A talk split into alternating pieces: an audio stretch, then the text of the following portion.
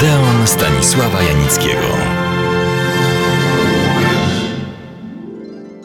Szukałem ostatnio anegdot o sławnych filmowcach.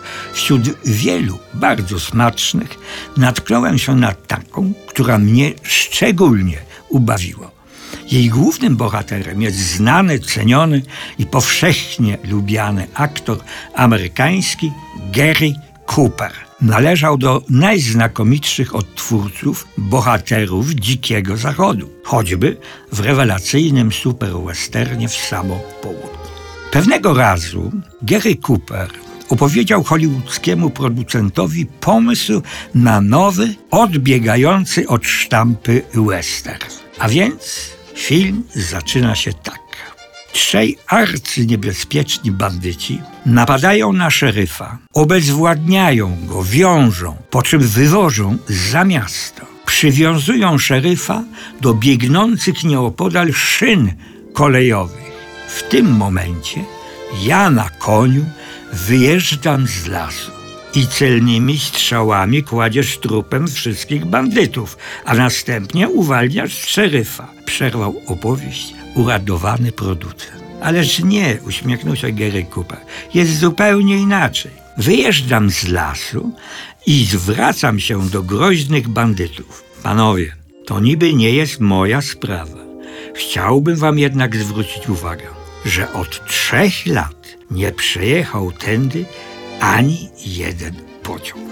Moim skromnym zdaniem jest to jeden z najlepszych, a jak charakterystycznych dowcipów dotyczących dzikiego zachodu. A teraz kilka, no kilkanaście stron na drodze Gary Coopera do zasłużonej światowej sławy. Gary Frank James urodził się w 1901 roku w miejscowości o wdzięcznej nazwie Helena, jako syn sędziego Najwyższego Sądu Stanowego Montany. Podstawowe nauki pobierał w Anglii.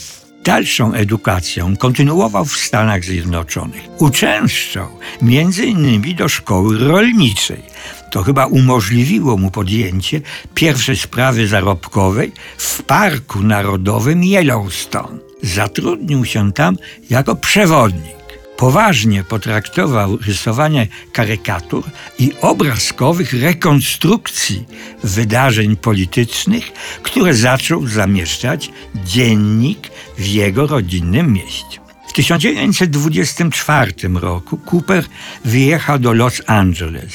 Pracy jako rysownik czy karykaturzysta jednak nie znalazł. Rok później przyjaciele wkręcili go do branży. Przez dwa lata asystował w wielu filmach, także krótkometrażowych filmach kowbojskich. Przełom nastąpił w 1926 roku, kiedy to zastąpił chorego aktora, druga główna rola męska, w rozpętanych żywiołach. Film odniósł spory sukces i otworzył Gary Cooperowi drogę do sławy. Wkrótce stał się jednym z największych gwiazdorów amerykańskiego kina. No, nie tylko.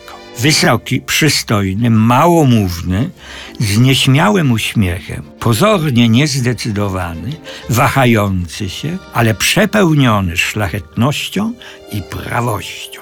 Bardzo szybko zdobył zaufanie i ogromne powodzenie u milionów widzów na całym świecie. Przez krótki czas był obiektem prasy brukowej. Liczne, przelotne zresztą romanse ze znanymi aktorkami, ale szybko się ustatkował, ożenił z aktorką oczywiście i przestał dostarczać materiału do plotek. W połowie lat 30. należał do najbardziej kasowych aktorów hollywoodzkich. Diamentowa kolekcja, tak można by nazwać rolę Gary Coopera i filmy, w których grał. Przypomnę tylko niektóre. Marokko, 1930 rok, Józefa von Sternberga z Marleną Dietrich. Melodramat o wielkich namiętnościach, które triumfują wbrew zdrowemu rozsądkowi. Pożegnanie z bronią 1932 rok Franka Borswejcz, adaptacja głośnej powieści Ernesta Hemingwaya. Peter Ibbetson 1935 rok. Henry Hathawaya. Miłość od lat dziecięcych doprowadza bohatera do morderstwa i dożywotniego więzienia. Pan z milionami 1936 Franka Capry z Jean Arthur w stylu komediowym. Pochwała dobroci i szlachetności oraz prowincji w opozycji do wielkiej metropolii. Marco Polo 1938 Archie Mayo tytułowy, sławny podróżnik i odkrywca, dla którego nie ma rzeczy niemożliwych. The Westerner 1940 Williama Wylera, sędzia prawy przeciwko dwuznacznie podejrzanemu i wiele, wiele innych. Aż po ostatni film Gary Coopera, brutalny kryminał, nagie ostrze. A o innych jego filmach, w tym dwóch arcydziełach, Sierżant York i W samo południe, opowiem za tydzień. Serdecznie Państwa do Odeonu zapraszam.